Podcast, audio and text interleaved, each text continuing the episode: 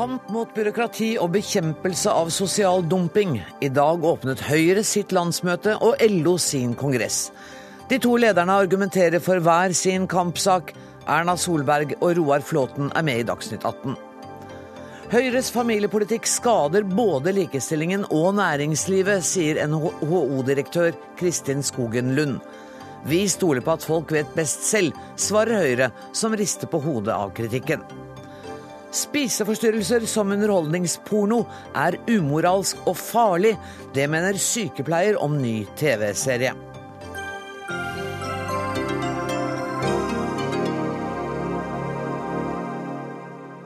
Dette er fredagens Dagsnytt 18, der vi også skal møte musikeren som mener at musikkjournalistikken her til lands er død. Men først. Høyre seiler i medvind, og i dag åpnet partiets landsmøte på Gardermoen. I sin tale til landsmøtet sa Erna Solberg bl.a. at et Norge på sitt beste er et enklere Norge. Hun ble møtt med kraftige klappsalver fra publikum. Og Kjetil B. Alstheim, du er kommentator i Dagens Næringsliv. Hvordan vil du karakterisere det Høyre som nå er samla til landsmøtet? Den talen sa jo en hel del, fordi det var en, en tale uten særlig mange skarpe kanter. Det var en tale eh, som eh, Det er vanskelig å være veldig uenig med mye av det som ble sagt. Det er jo ingen som er uenig i at Norge skal være på sitt beste. Og det, eh, Sånn sett kan man si at det en, eh, kunne høres ut som en ufarlig tale. Men det er jo nettopp det som er farlig med Erna Solberg og Høyre for de rød-grønne nå. Nemlig at de fleste tenker at eh, vi kan stemme på Høyre. Norge blir omtrent som før, bare enda litt bedre. Og det er i hvert fall ingen strid om hvem som skal være leder i Høyre? Ikke nå lenger, det er helt sikkert. Jeg skal snakke mer med deg, men nå skal vi ta inn leder i Høyre, Erna Solberg. Gratulerer med åpning av landsmøtet. Takk skal du ha. Eh, det var, som jeg sa, kraftige eh, applausrunder i løpet av talen din. Eh, og du, særlig når du snakket om skole og undervisning. Var du overrasket over at det var så populært å kjøre det kortet så hardt? Nei, det er det ikke. Jeg har også til og med sett hvor mange som har tegnet seg til debatten om skole og forskning og utdanning på landsmøtet så langt. og Det kommer til å bli en ganske lang sekvens under vårt landsmøte. Eh, og det er jo fordi at Kjernepunktet det jeg snakket om i dag, det er faktisk at kunnskap, kompetanse, det er gjennomgående det viktigste i årene fremover for dette landet. Synes du at den sittende regjeringen har forsømt seg i vesentlig grad på dette feltet? På noen områder har de gjort det. Eh, særlig det punktum som jeg der var tydeligst og klarest på løfter for en ny regjering som Høyre sitter i. og Det er at vi skal prioritere læreren, at vi skal prioritere nye karriereveier, etter- og videreutdanning, at vi skal sørge for at vi får en femårig masterutdanning. Mange av disse forslagene har jo eh, regjeringen faktisk stemt ned. Så det nå har bl.a. Arbeiderpartiet nå eh, vedtatt på landsmøtet sitt noen av disse punktene. Men eh, problemet er jo at de i åtte år ikke har benyttet seg av muligheten til å gjøre noe med det. Vi bruker akkurat like mye penger som vi brukte for åtte år siden på etter- og videreutdanning av lærere, etter at vi løftet det opp til et historisk nivå da. Men vi har altså mange lærere som fortsatt ikke har fått muligheten til å løfte kompetansen sin, og som ønsker å gjøre det. Nye drømmer, bedre ideer, sto det skrevet ved talerstolen da du holdt talen din. Hva er den nyeste drømmen du vil ha realisert når du nå, etter ditt ønske, kommer i regjeringsposisjon? Jeg tror det sto nye ideer, bedre løsninger som nok er et slagord folk kommer til å høre gjennom denne valgkampen, for det er valgkampslagordet vårt. Eh, men jeg har snakket mye om drømmer. Nei, nei, Den beste ideen mener jeg er faktisk det å satse på lærerne i kunnskapssamfunnet. Det å bygge veiene raskere, ikke klattvis og delt. Det å sørge for at vi får ned helsekøene gjennom sammen mellom offentlige og private, klare å finne de gode, nye, innovative løsningene prioritere pasientbehandlingen, gi folk større valgfrihet. Alle de tingene som vi vanligvis snakker snakker om. Men det som er viktig budskap for meg, det er at jeg tror at offentlig sektor er selvfølgelig kjernen for mange av disse oppgavene. Men vi trenger også hjelp fra den private sektoren for å nå målene våre. Er du enig med dem som vil si at det er en mindre ideologisk og en mer pragmatisk tale du har levert i dag? Jeg mener jo at det var en ideologisk tale, eh, men eh, den var nok eh, mindre skarp. Det er jeg helt enig i. Altså, jeg bruker tiden min som politiker på å snakke mest om vår egen politikk. Hva vi vil fremover, hvilke saker vi har. Det er det jeg mener vi også har vunnet mye på de senere årene. I direkte kontakt med velgere å snakke om hverdagsløsninger, saker de skjønner er et problem, sak, og løsninger de forstår vil komme til å virke. Og uh, Istedenfor å bruke utrolig mye tid på dette spillgreiene som mange andre partier gjør, med å kjefte på hverandre, lage stereotypier av andre partiers politikk. Og så sa du i dag at du har gjennom eh, dine år i politikken opplevd mange karakteristikker. Alt fra å være ja, uspennende til jeg husker ikke hva. Men så sa du at du følte deg litt tøff når du ble sett på som et eksperiment når du skulle kastes løs på det norske folk. Ja, altså, eh, det er jo sånn Jeg hører beskrivelsene som gis av hva en ny regjering under min ledelse eventuelt skulle medføre for det norske landet, så høres det ut som ut, utrolig tøft. Det er, en, det er, jo en, karakteristikk som ikke ligner på noe som helst, syns jeg, av og til i den politiske debatten. Det som for meg er interessant å se, er at det virker ikke som velgerne helt tar seriøst den argumentasjonen som drives av andre. Var du forberedt på at et av de største stridsspørsmålene under dette landsmøtet skulle bli forslaget til endring av abortloven? Nei, egentlig ikke. fordi dette er jo en sak som vi har hatt eh, på vårt program i alle fall siden 2001. Det var en stor prinsippdiskusjon eh, under det prinsipprogrammet som Inge Lønning ledet rundt eh, år 1999-2000 hvor vi hadde mange av disse diskusjonene. Og Den gangen var diskusjonen annerledes enn i dag. Mm. Den gangen var det en diskusjon om ja, grenser for bioteknologi. Hva er de nye løsningene? Hva, hva, gjør det på en måte med vårt samfunn når vi kan finne ut mer og mer om et foster tidligere og tidligere? Og En av de diskusjonene jo, var jo da at det å ha en lov som, hvor en av paragrafene sier at for mennesker som lever i vårt samfunn, som uh, lever ganske bra liv, selv om de har funksjonshemminger, sykdommer eller er psykisk utviklingshemmede, så er det å stemple livet deres som blir så lite verdt at det er et selvstendig abortgrunnlag, det er faktisk et feil signal å sende. Det var den diskusjonen. Så har diskusjonen i år dreid seg først og fremst om spørsmålet om hvem skal fatte beslutningen. Er det opp til familien eller ikke? Ehm, jeg forstår kanskje at vi ender opp et sted hvor eh, det gamle vedtaket vi har hatt de siste tolv årene, kanskje ryker i løpet av dette landsmøtet.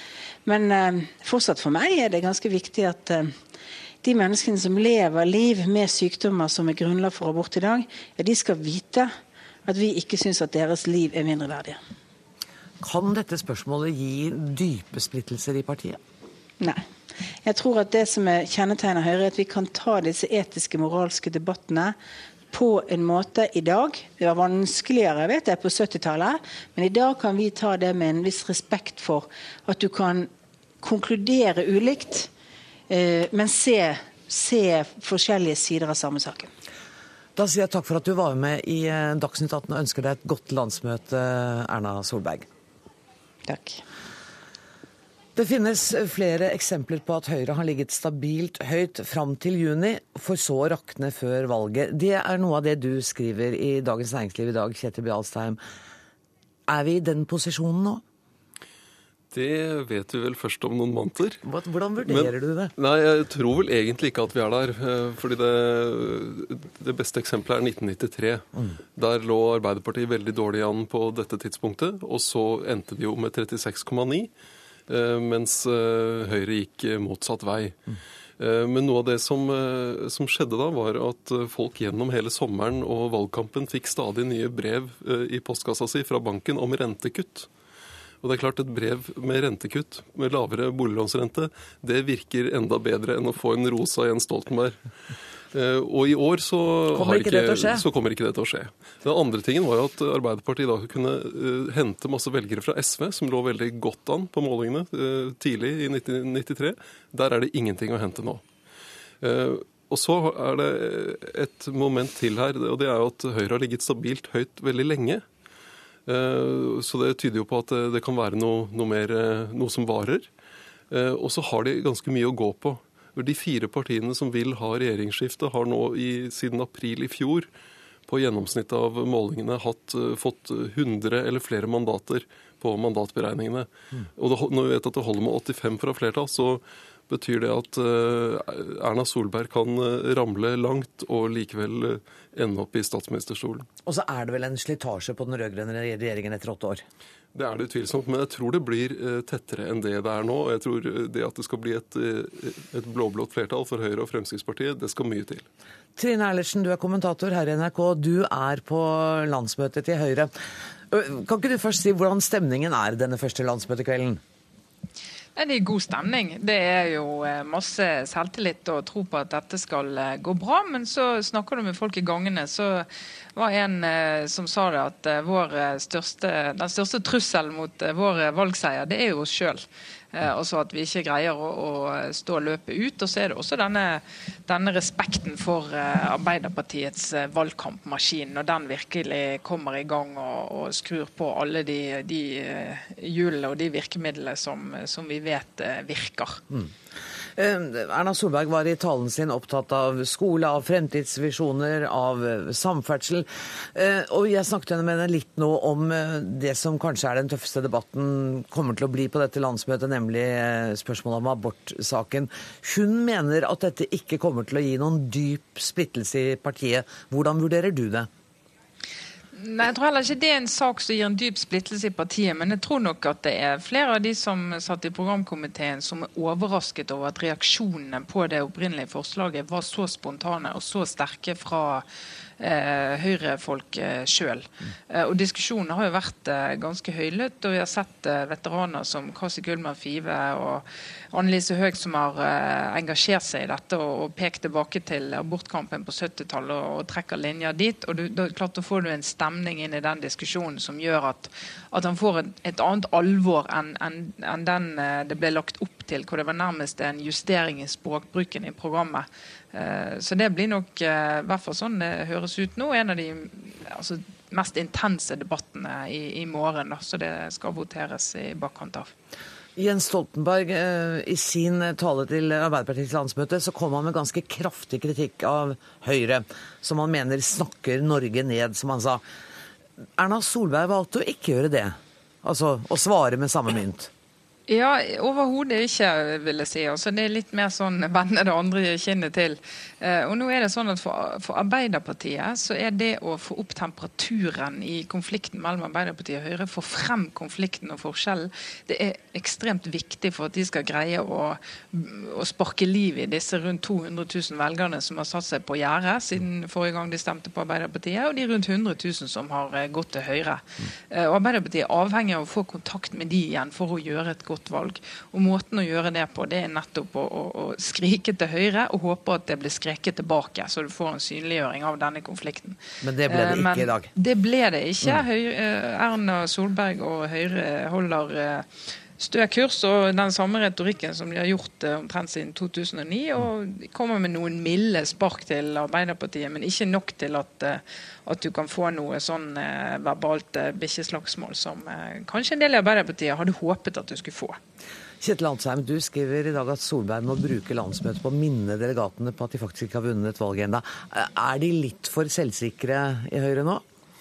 Det får vi jo se litt i løpet av helgen, da, men det er jo en veldig stor kontrast til, til Arbeiderpartilandsmøtet, der Jens Stoltenberg måtte prøve å overbevise delegatene om at de kan vinne. Mm. Så det er en helt motsatt posisjon. Men, men det at Solberg valgte en såpass sånn neddempet tone, eller tilnærming i talen, kan jo også være et uttrykk for det at hun ville ikke dra opp stemningen for mye. Tusen takk for at du kom til Dagsnytt 18, Kjetil Alstein fra Dagens Næringsliv. Og takk også til Tine Eilertsen, kommentator her i NRK.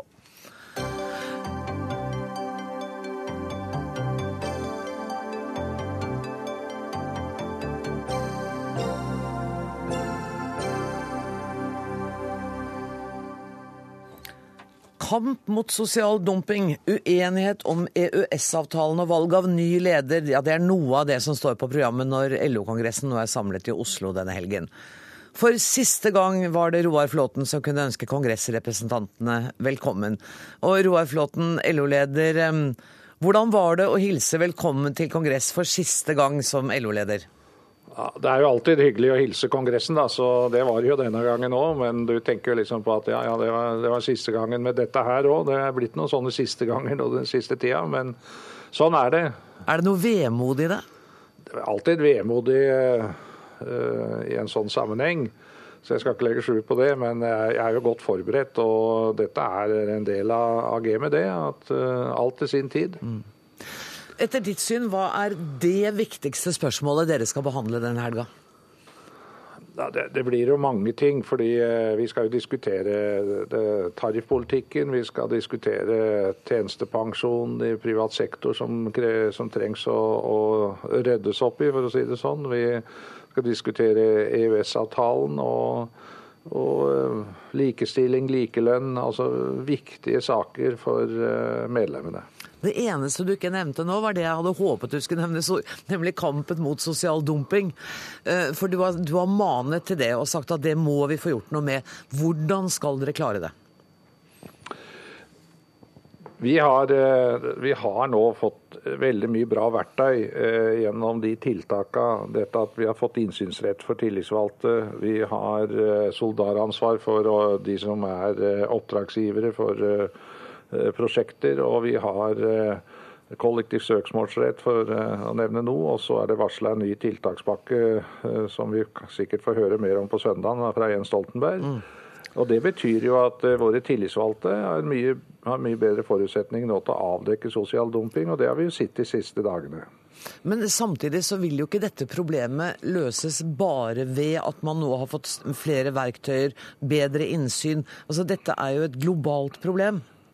Ja, det er klart at uh, hvis en ser det utover i Europa og resten av verden, så er det, er det jo utnyttelse av uh, arbeidsfolk. Det er jo veldig stor mange plasser. Det er bare å gå til Bangladesh og så denne forferdelige katastrofen av denne fabrikken som var inne etter huset som kollapsa. Altså kapitalens jakt etter billig arbeidskraft og, og sånn, den er mye større ute, selvsagt.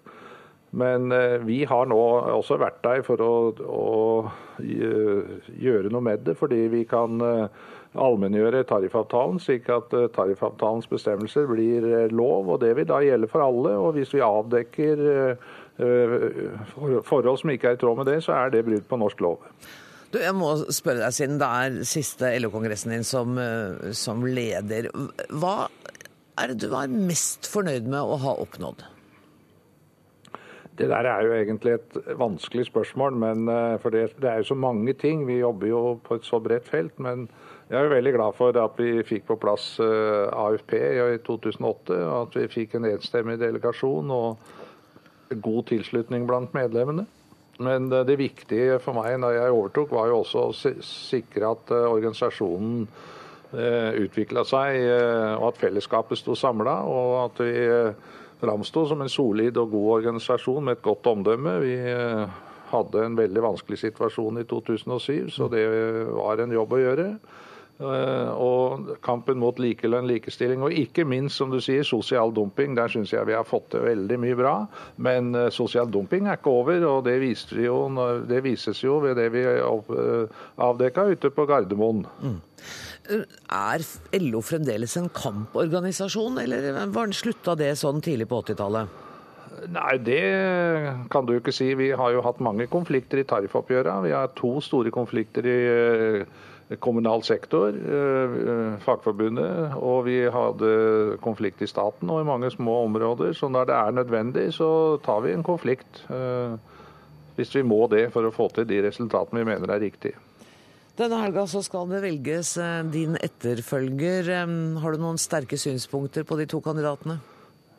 Nei, Det er nok sånn at uh, nå er det en valgkomité som er satt i arbeid. Og så er det de som får uh, uh, komme med et forslag om hvordan de mener den nye ledelsen skal se ut. Ja, kan du ikke bare si hva du syns, da? Nei, Jeg syns at eh, som, eh, den som Kongressen velger, det, det, er den som er best. Og, men det var da veldig til diplomati? Ja, men det er sånn at eh, det er, det er enkelte ting jeg skal la være å blande meg opp i. ok, Tusen takk for at du var med i Dagsnytt 18, og lykke til med Kongressen, Roar Flåten. Takk for det. Velkommen til Magnus Takvam. Du skriver eh, på NRK Ytring i dag en skulle nesten tro kampen dreide seg om vervet i en lokal bridgeklubb, og ikke en av landets viktigste maktposisjoner. Fordi det er så stille rundt eh, de to kandidatene. Hva tror du grunnen er til dette, Magnus Takvam?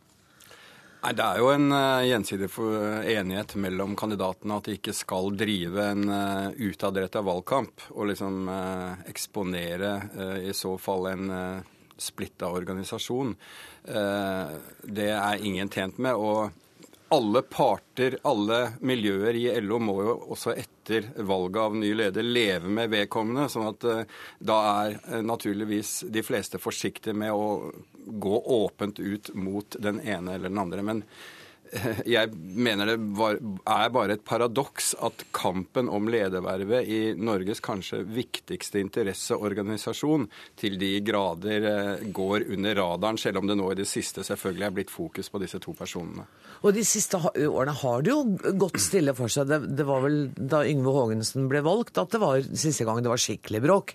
Ja, det var i 1989. Og det var da første kampvotering, jeg tror det var siden 1934 eller noe sånt i, i LO, så det var enestående. Og da var jo temperaturen så høy eh, at eh, innleggene eh, Ja, det ble buing og rop, og dirigenten brakk klubba i forsøk på å roe gemyttene. Der gikk det virkelig helt for seg. Slik kommer det ikke til å skje nå. Nå skjer det i korridorene mer, mer, eller mindre. Ja, Kan det skje så mye i korridorene at man ender opp på, med bare én kandidat? Ja, Det er målsettingen eh, til Hans Felix, som eh, er leder i valgkomiteen. Han sier det. det er, eh, han vil gjøre et forsøk på å finne en omforent løsning. Det betyr at han må overtale en av dem til å trekke seg? ja, og Grunnen til at det kanskje ikke går, er at begge siders tilhengere mener og sier til sin kandidat at du kan vinne. Altså At det er ikke noe helt opp opplagt vinner. Hvis en av partene eh, da ser at uh, toget er gått, løpet er kjørt, så trekker man seg for å unngå et, et voteringsnederlag. Men i hvert fall helt, jeg tror helt til selve mandagen eh, da dette skal skje, så vil, vil dette henge. Men EØS-spørsmålet, det er ikke noe hemmelighet at det er, der går det noen konfliktlinjer også i, eh, blant LOs medlemmer. Mm. Kan det være med på å avgjøre det ledervalget? Er det et av temaene? Nei, det tror jeg ikke har noen direkte sammenheng. Det er en eh, Altså der er begge kandidater på en måte på EØS-avtalens grunn. Men eh, hvis man skal begynne å, å, skille de to kandidatene fra hverandre, så er det nok slik at en del oppfatter eh, Gerd Kristiansen fra Fagforbundet, offentlig sektor, kvinne osv. som noe mer radikal enn Tor Arne Solbakken. Eh, men begge er godt innafor eh, det en eh, LO-leder eh, kan være i forhold til politisk ståsted osv. Hvem av dem er det som har Arbeiderpartiets støtte, da? Eller statsministerens støtte, hvis vi vet det? Ja, de har jo ikke sagt noe om det offentlig, men jeg er nokså sikker på at uh, Tor Arne Solbakken er den uh, foretrukne både i LO-eliten, altså flertallet i LO-ledelsen nå, og i Arbeiderpartiets ledelse. Fordi eh, det de legger vekt på da, er at han har erfaring fra forhandlinger i privat sektor. Han kan gamet, han kan næringsliv og liksom den typen interessespørsmål, og har også en stor kunnskap om pensjon. Altså Pensjon er en viktig kampsak i LO. Eh, både på denne kongressen i neste års oppgjør, og de vil gjerne ha en person da, som kan dette, og som er på linje med også, på en måte, eh, ledelsen i det spørsmålet. Så det er ting som i hvert fall jeg tror drar i hans retning for, f.eks. Jens Stoltenberg. Og så skriver du at begge, altså, uansett hvem av dem som blir valgt, mm. så vil det være overgangsfigurer fordi man opererer, hvis man opprettholder 60-årsgrensen. Det er riktig. Og dermed er det også kanskje en forklaring på tross alt um, ikke så høy intensitet eh, rundt valget, i og med at man ser at om fire år vil det komme en som antagelig da vil sitte lenger eh, og være, bli en mer sentral person. Tusen takk for at du kom til Dagsnytt 18 i dag også, Magnus Takvam.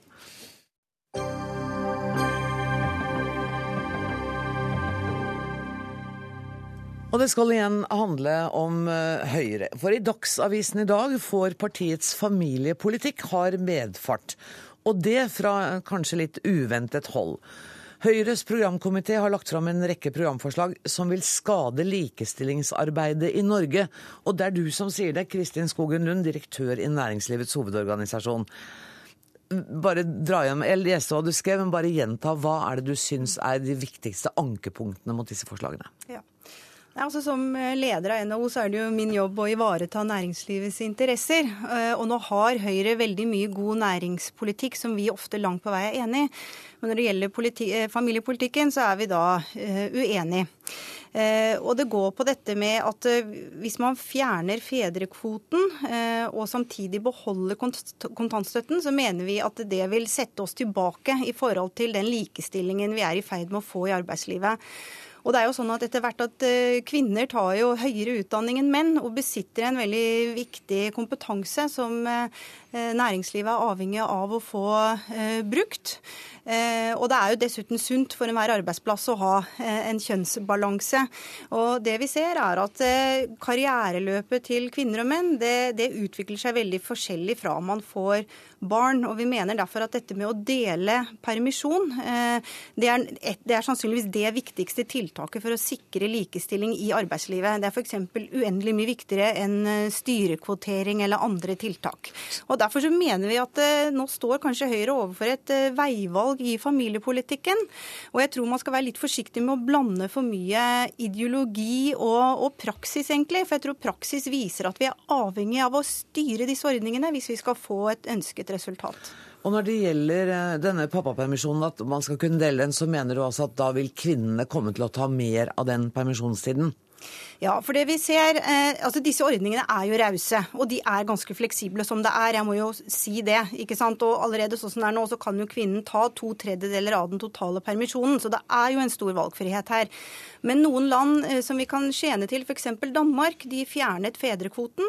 Og det vi så, var jo at andelen menn som tok permisjon, eh, falt dramatisk, og helt ned til den, disse to ukene som nå er forbeholdt far i Danmark. Og det er dessverre sånn, av mange ulike årsaker, også sikkert fordi kvinner selv insisterer på å ta mer av permisjonen. Dette har nok mye med kvinnene å gjøre også. Men vi ser at hvis ikke man eh, forbeholder en andel av denne permisjonen for fedrene, så tar ikke mennene den permisjonen. Linda Hofstad Helleland, familiepolitisk talskvinne i Høyre, du er med oss fra Høyres eh, landsmøtelokaler. Det er jo bekymringsfullt hvis familiepolitikken fører til at færre kvinner går ut og deltar aktivt i arbeidslivet? Det vi i Høyre er enig eh, med NHO i, er jo at det er veldig viktig at uh, fedrene tar ut uh, mye av foreldrepermisjon. Og så er vi enige med NHO i at det er også viktig at kvinner har høy yrkesdeltakelse. og at vi er med på å sikre kvinners sterke tilknytning til arbeidslivet. Det er viktig for å, bidra til å opprettholde velferdsnivået eh, vår. Men jeg syns det er litt pussig eh, at den voldsomme reaksjonen fra NHO, når det her står og faller på at kanskje en nybakt mor tar ut eh, to eller tre måneder ekstra eh, med eh, permisjon. Jeg er vanskelig for å eh, ja, jeg forstår ikke helt altså Det her er veldig overdramatisert. Det som er viktig for, for Høyre, er jo nettopp at familie og foreldrepermisjon. Det handler eh, om at det er en ordning eh, for, eh, for, barnet. Hvordan foreldrene kan ta ansvar for spedbarnet eh, i det første leveåret. Det mener vi ikke vi politikerne skal stemme. Eller eh, at det ikke skal være opp til NHO å bestemme, men at det skal være foreldrene sjøl som avgjør hvordan de kan gi sitt barn best mulig omsorg. Og Derfor ønsker vi mindre detaljstyring av familien. På samme måte som Høyre ønsker mindre detaljstyring og statlig regulering av næringslivet. Vi tror at det blir bedre hvis man får større frihet eh, sjøl. Og, og, det samme mener vi også for familiene. Men eh, samtidig så eh, vil dere altså ikke bare beholde kontantstøtten, men gjerne styrke vernet av den. Mens eh, NHO da vil eh, fjerne den, sånn som LO vil. Ja, altså nå, eh, Det er jo ikke noe nytt det Høyre mener. Eh, vi har eh, ment det her i tre-fire år. Fordi at For oss handler familiepolitikk om å gi familien mer frihet og fleksibilitet. Og ja, finne hvordan de får leve livene sine best mulig. Ja.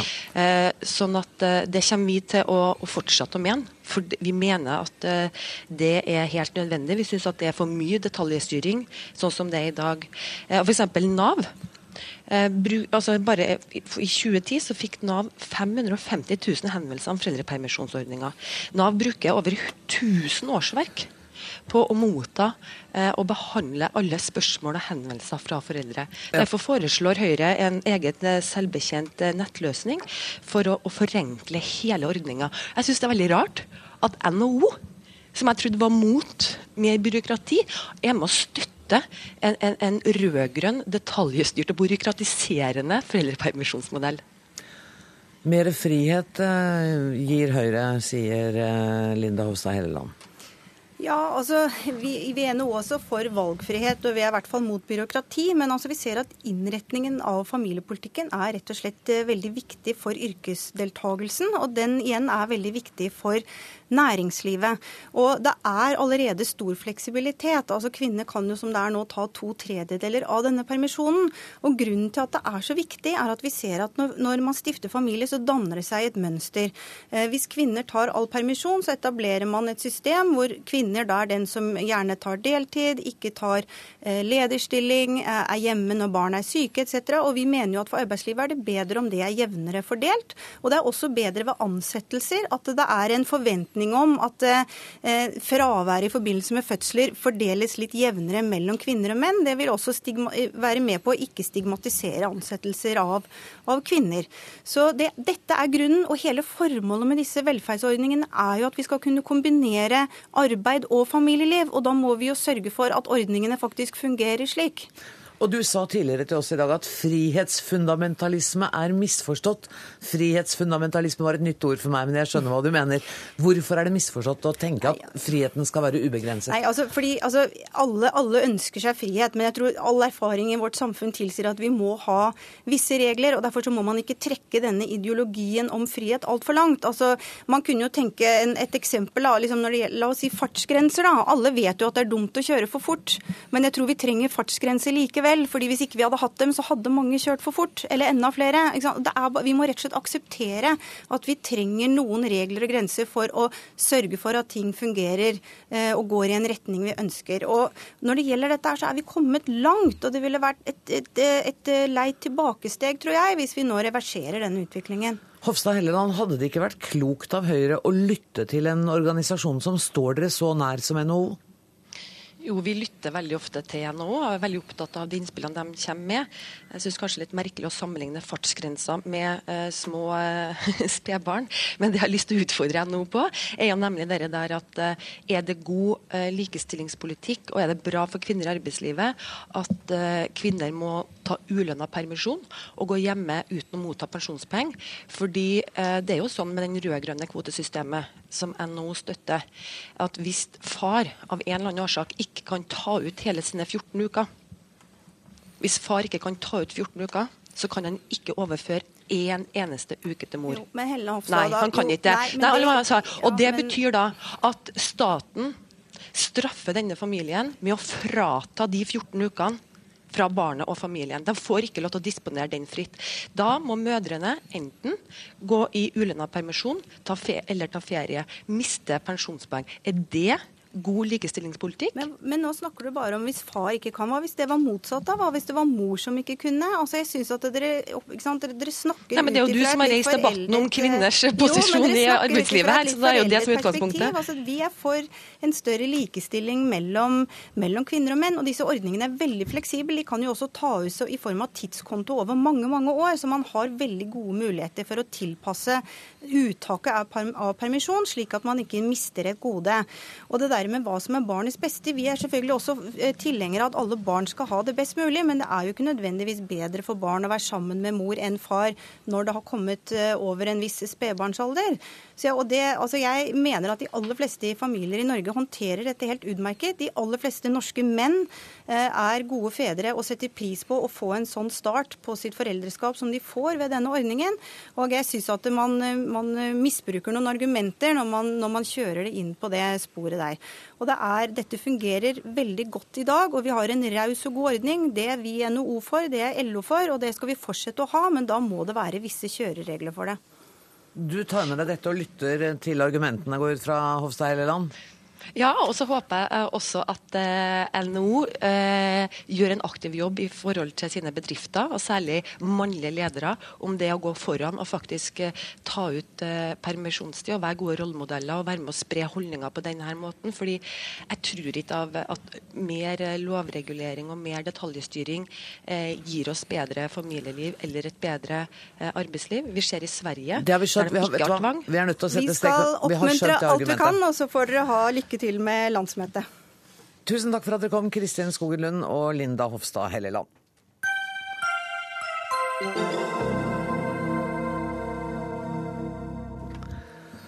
I programmet Size Zero forsøker programleder og modell Katrine Sørland å slanke seg ned til det livsfarlige idealet i motebransjen, nemlig størrelse null.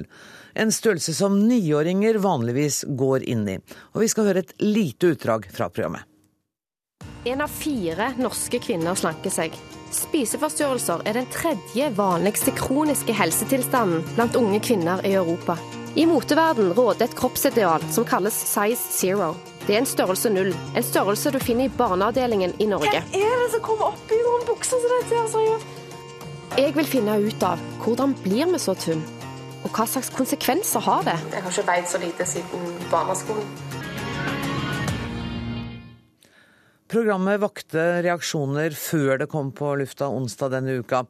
Og selv om programmet prøver å sette et kritisk søkelys på size zero-idealet, så bruker programmet samme trikset som bransjen selv, og blir spiseforstyrrelsesporno. Det skriver du i en kronikk på NRK Ytring, sykepleier Ingeborg Senneset. Hvordan blir det det? Hvordan det blir eh, spiseforstyrrelsesporno? Ja.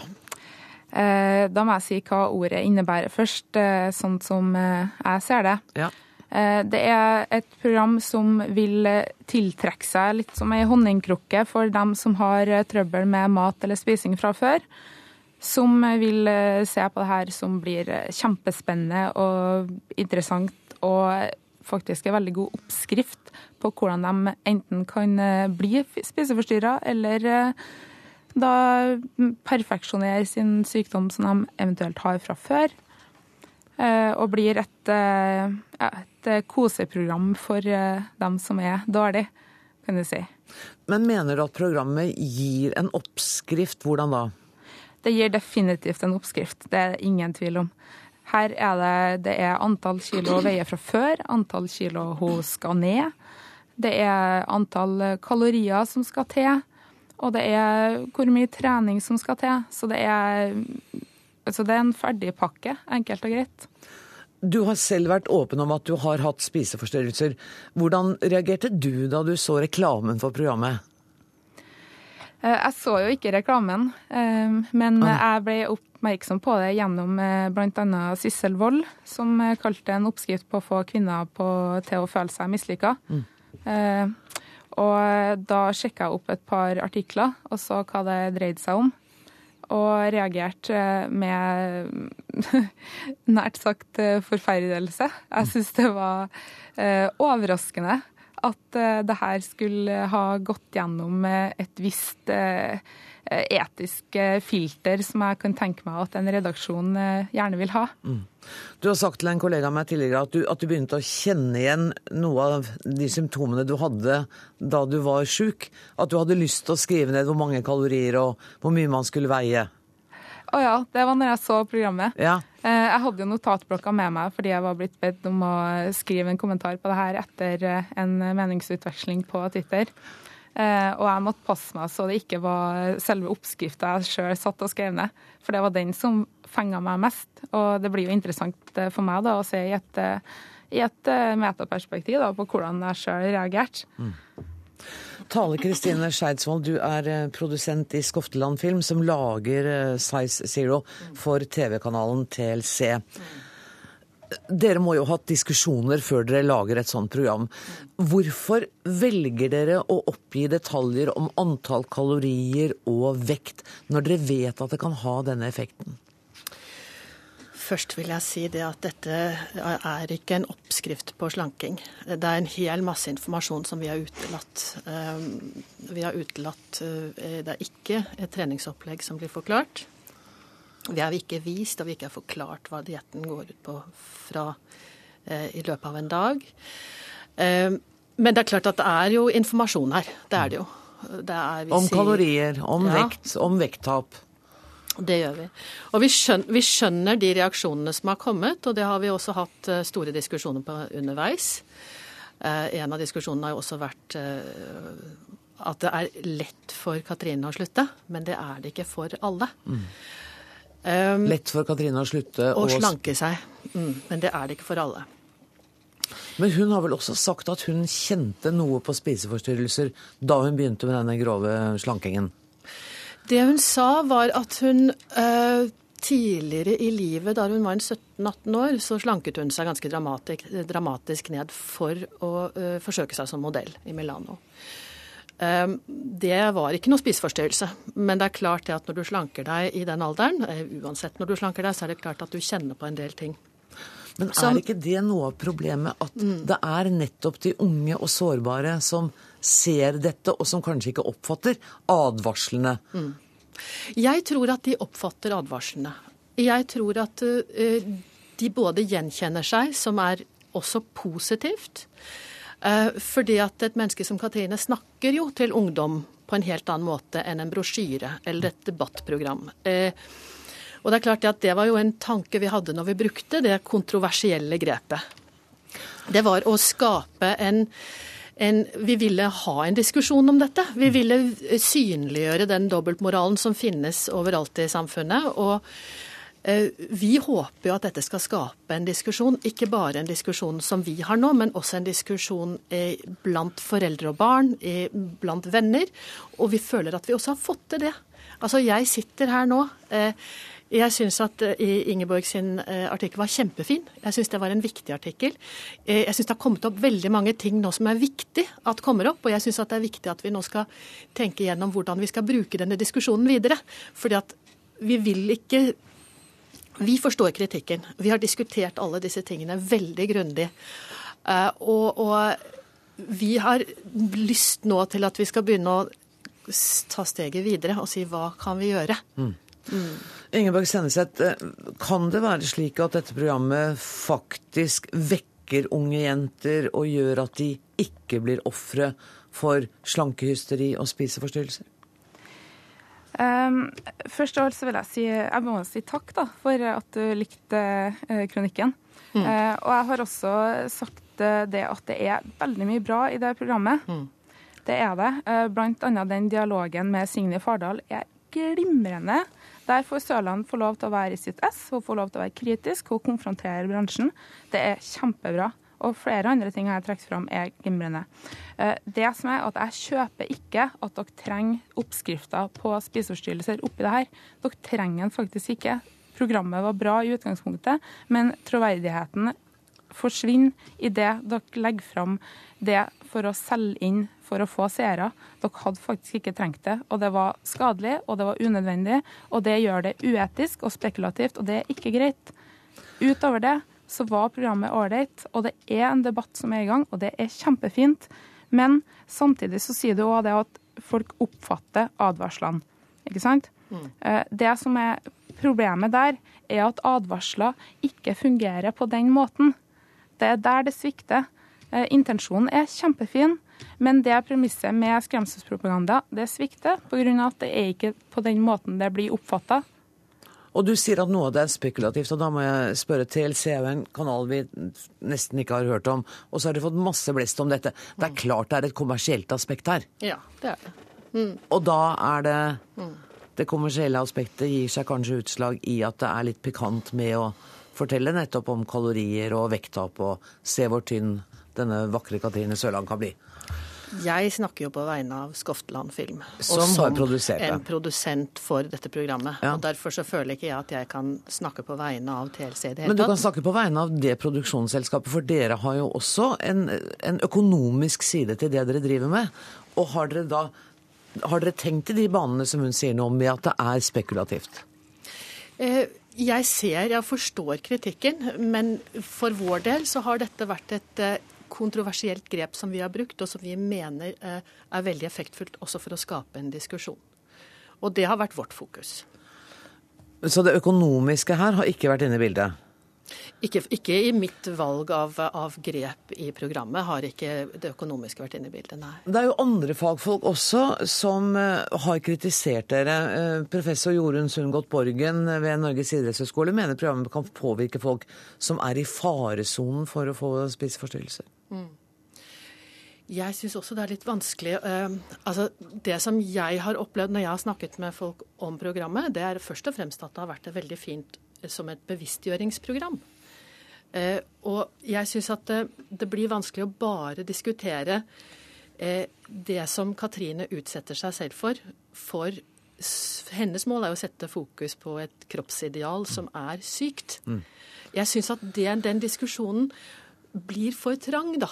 Og så skal vi kanskje i rettferdighetens navn også si at det er en lege med i programmet, og at hennes slankekur ble avbrutt av legen. Ja. Eh, sånn at det, var ikke en helt uforsvarlig eh, handling fra, som dere utsatte henne for.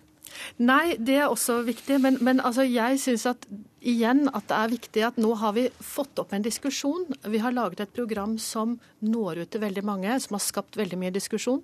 Jeg har sett på det eh, med en jente som er 19 hun ble sjokkert over det samfunnet hun mm. fikk beskrevet i dette programmet. Veldig provosert. Eh, hadde en opplevelse av en oppvåkning når hun så det.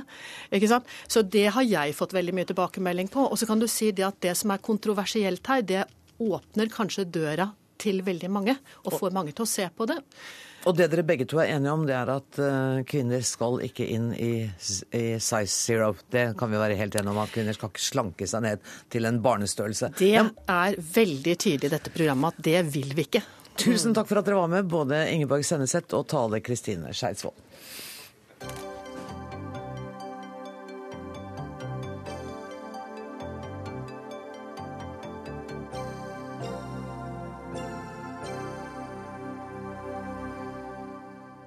Så skal det dreie seg om Pakistan, der det har vært store demonstrasjoner i dag etter at statsadvokaten som etterforsker drapet på tidligere statsminister Benazir Bhutto, ble myrdet på vei til rettssalen. Dette er opptakten til valget i neste uke. Eldrid Mageli, du er historiker med Sør-Asia som eh, felt. Dette høres ikke ut som en spesielt god demokratisk måte å innlede et valg på? Nei, det er det absolutt ikke. Og nå skal det også sies at det er eh, veldig vanskelig, den eh, valgprosessen i Pakistan. Eh, dette var jo et anslag mot en svært viktig person, en ledende etterforsker.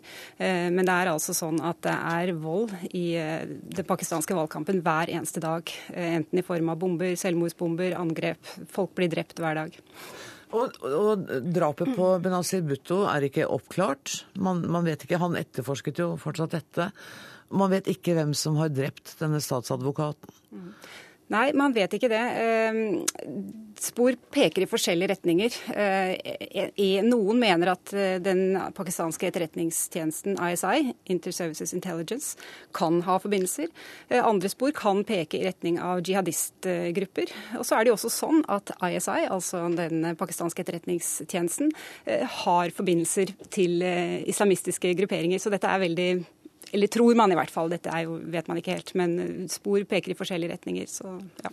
Det, det, du sier nå, synes jeg tyder også på at det er et veldig sånn kaotisk politisk bilde. Mm.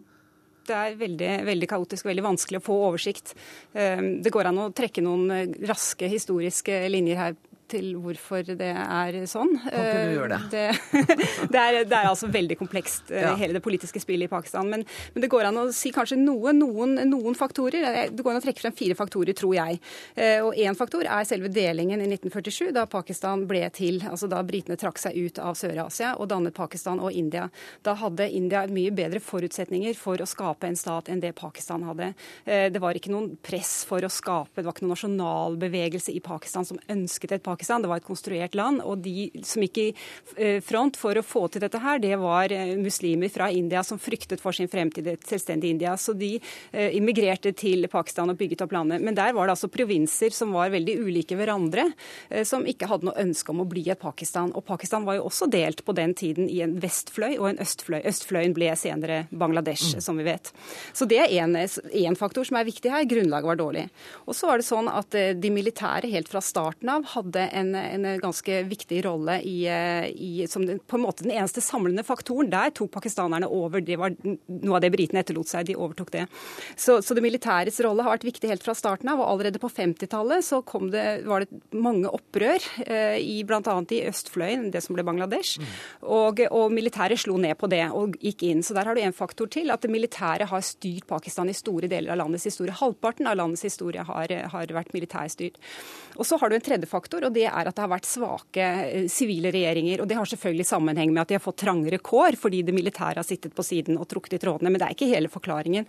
For de sivile, altså de politiske regjeringene som har, eh, har sittet med makten, har eh, ikke vært veldig eh, interessert i å bygge demokratiske prosesser og bygge en infrastruktur i landet. Skole, vann, elektrisitet, altså basisting, basisnødvendigheter har ikke blitt dekket da for befolkningen. Du, jeg syns du beskriver fortsatt et land som er litt sånn på vei opp i liminga? Ja, og det er det. Og, så er det en siste faktor som jeg må få med her også, og det er den, hele den geopolitiske situasjonen. Altså Pakistan er jo så innvevd i, i Afghanistan. Altså, mange foretrekker å snakke om hele området som AFPAK istedenfor Pakistan og Afghanistan. AFPAK er på en måte ett område. Eh, så, så det er mange som, som peker på det at Pakistan nærmest er i ferd med å falle fra hverandre, og at den viktigste rekrutteringen til terror den skjer faktisk i Pakistan og ikke i Afghanistan. Og Der mener mange at president Bush gjorde en stor strategisk feil da han etter terroren i 2001 utpekte Musharraf, som satt ved makten i Pakistan da, til sin fremste allierte i kampen mot terror. Det, og, og tok ikke inn over seg at Pakistan var den gang som nå et land i strid med seg selv. Her er det veldig mange elementer som trekker i ulike retninger. og Musharraf hadde ikke kontroll over landet. Eldrid Magli, jeg er redd vi kommer til å snakke mer om eh, det politiske kaoset og om eh, volden i Pakistan, men tusen takk for at du kom til Dagsnytt 18 i dag.